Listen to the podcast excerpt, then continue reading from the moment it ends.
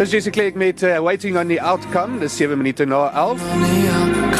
En ek het vir Danny Govender hier by my. Um how are you Danny? I'm good, thank you. Um, um so you do biodiversity. What what's your title exactly? So I'm the general manager for research in Yeah. Kruger. Okay, so what does that mean? So, so surprisingly, a lot of the listeners might not know, but in national parks we actually have in-house researchers, Oh, yeah? scientists that are doing a lot of the biodiversity monitoring and research and informing how we manage the park and informing sort of the larger country policy around conservation of biodiversity. So what is biodiversity? Yeah, it's an interesting question. It sounds very sort of sciencey and scary. Yes, I have no idea. We, you, we spoke about it just now off air and I have no idea what you're talking about. Sure, sure. And and I think if you look at it as like it's everything, it's all life on the planet. Oh, yeah? And so if we break it up down, we sort of um, yeah, we've got Hardy does here too. Yeah, unfortunately. So so if we break it up, it's like all the genetic diversity that exists on the planet, which then will kind of organize into individual organisms and then bring about all the species diversity we have. And then all those species, how they interact, will actually result in a whole lot of ecosystem diversity. And so how all that life on the planet the plants, the animals, the bacteria, the fungi, how all of them are interconnected and supporting life is referred to as biodiversity. um, so why is it important to have people like you, for example, in, in the national park? Sure. So, uh, so scientists, you know, previously um, people used to think, you know, you can just get a scientist in and they can come and do a little bit of mm. research and answer a couple of questions. But what we found with having agency scientists, which would, which is what we are, we are mm. agency scientists. We are committed to SANParks. We have long institutional memory. We can build layers of information. So to really answer what are the critical needs and knowledge gaps to, to better manage the park.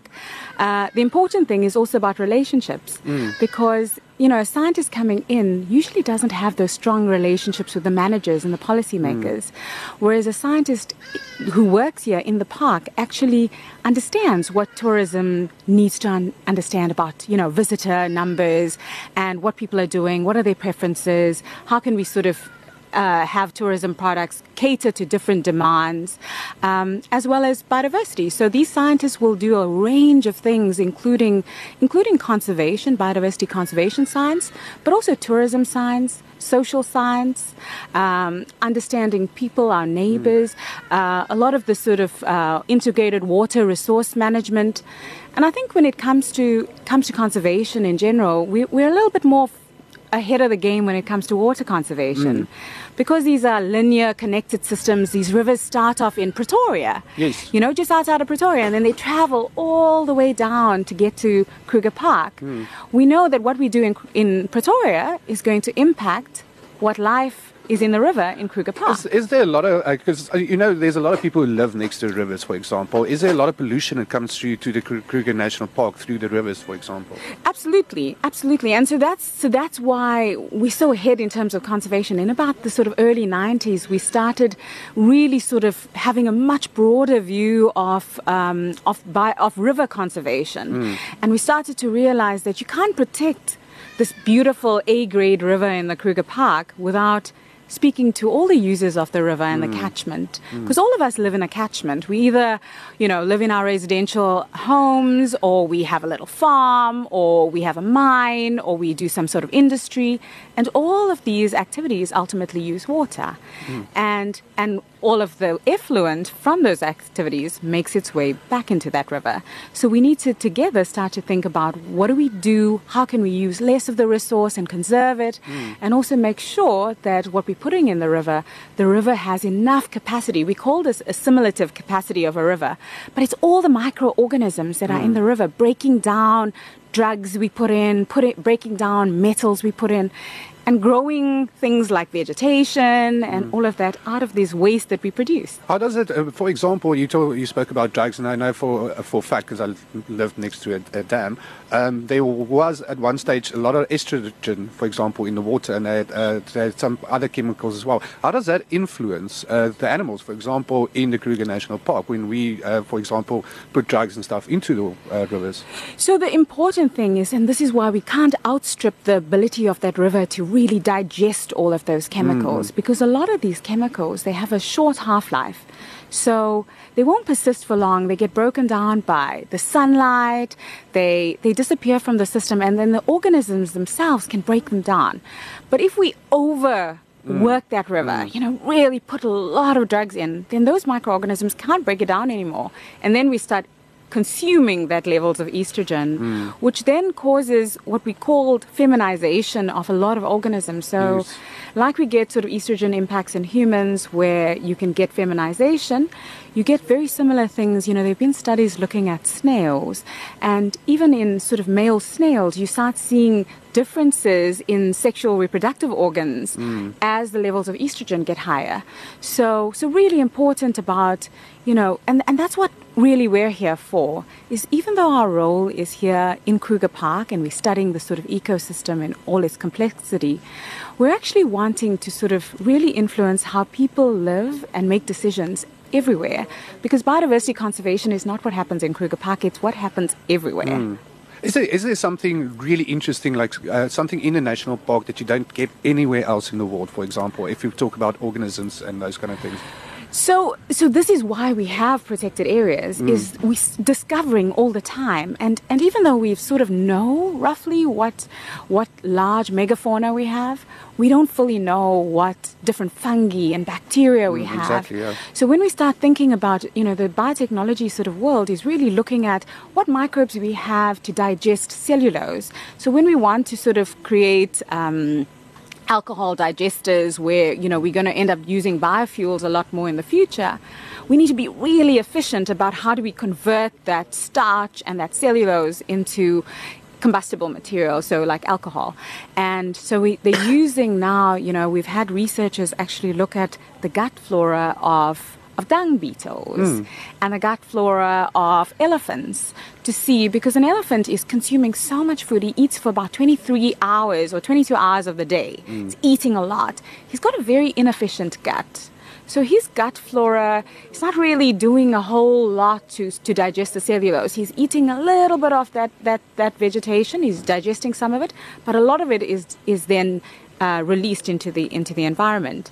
And then all sorts of bacteria and fungi colonize that, that dung heap mm. and then start digesting it quite quickly. And so, if we start to understand what bacteria exists there and what fungi, we can help to sort of create better cellulose, cellulose digesting fermentation tanks, etc., so that we can at least so at least we can benefit from it in the longer term. So I think I think this is what having protected areas allows for you. It allows for you to have this almost this little vault of information and organisms that you can tap into because there's been four million year billion years of evolution in in nature, right? Yeah, yeah. and we're just here for 200,000 years, the whole of human existence. So, so we can learn so much from nature, and we're just tapping into that now. Um, Something that a lot of people don't know is, for example, the work you guys do. Um, actually comes to, uh, for example, medicines and those kind of things. It, is there those kind of things that you guys develop or uh, find out with your fungi and your organisms that actually uh, help uh, us as humans, like normal humans, to um, do our normal thing? Sure, we've got a really exciting program around around um, medicinal plants, for instance, and and that's really interesting because it's tapping into. I think we always think about about science and research as it's only. For you know, it's only for those guys in the white lab coats. But actually, what we start to realize is that there's a lot of indigenous knowledge holders hmm. actually just around here. You know, people have lived in these environments for a long time. They know which plants to use. They know t- what they can use it for to treat what ailments. And so what we started to realize is that one of these trees called the pepper bark tree is something that's used quite widely in traditional medicine, but it's not commonly available outside. Hmm. And so we were getting a lot of poaching of these trees inside the park. We've got one area where they grow really well and they were they were being poached and stripped of their bark. And so we ran a big plant conservation program around pepper bark, where we worked with traditional healers and we started propagating these trees. We worked with the ARC and the um, and the botanical gardens, and we started propagating little seedlings of these trees. We then sort of worked with the traditional healers around alternative tissue use, so that they could start using now not the bark because young trees won't survive if you've stripped all their bark off them, mm. but they will survive if you use a more sustainable part of them, which are their leaves. So we started then with, with education and awareness around alternative tissue use and and then distribution. And so we've distributed thousands of plants around this area. And now these plants are really they've taken they've taken up, they've grown really big, and traditional healers are using them. Uh, there's also some research into the into the pharmaceutical agent in yes, there, the yeah. active agent, to see what mm. it is, and they find that it really is incredibly. It's an incredible powerful sort of medicine against flus and colds, and a lot of the traditional healers used it during COVID as well because it's got very good expectorant pro- properties. Mm. So instead of ACC 200, you can just use some pepper bark. Yeah, yeah. I, I, never knew that. Is there other plants that you can, for example, use for? Sure, there's lots. There's lots, and and as we sort of develop, so so everything like um, wild ginger. There is the African potato.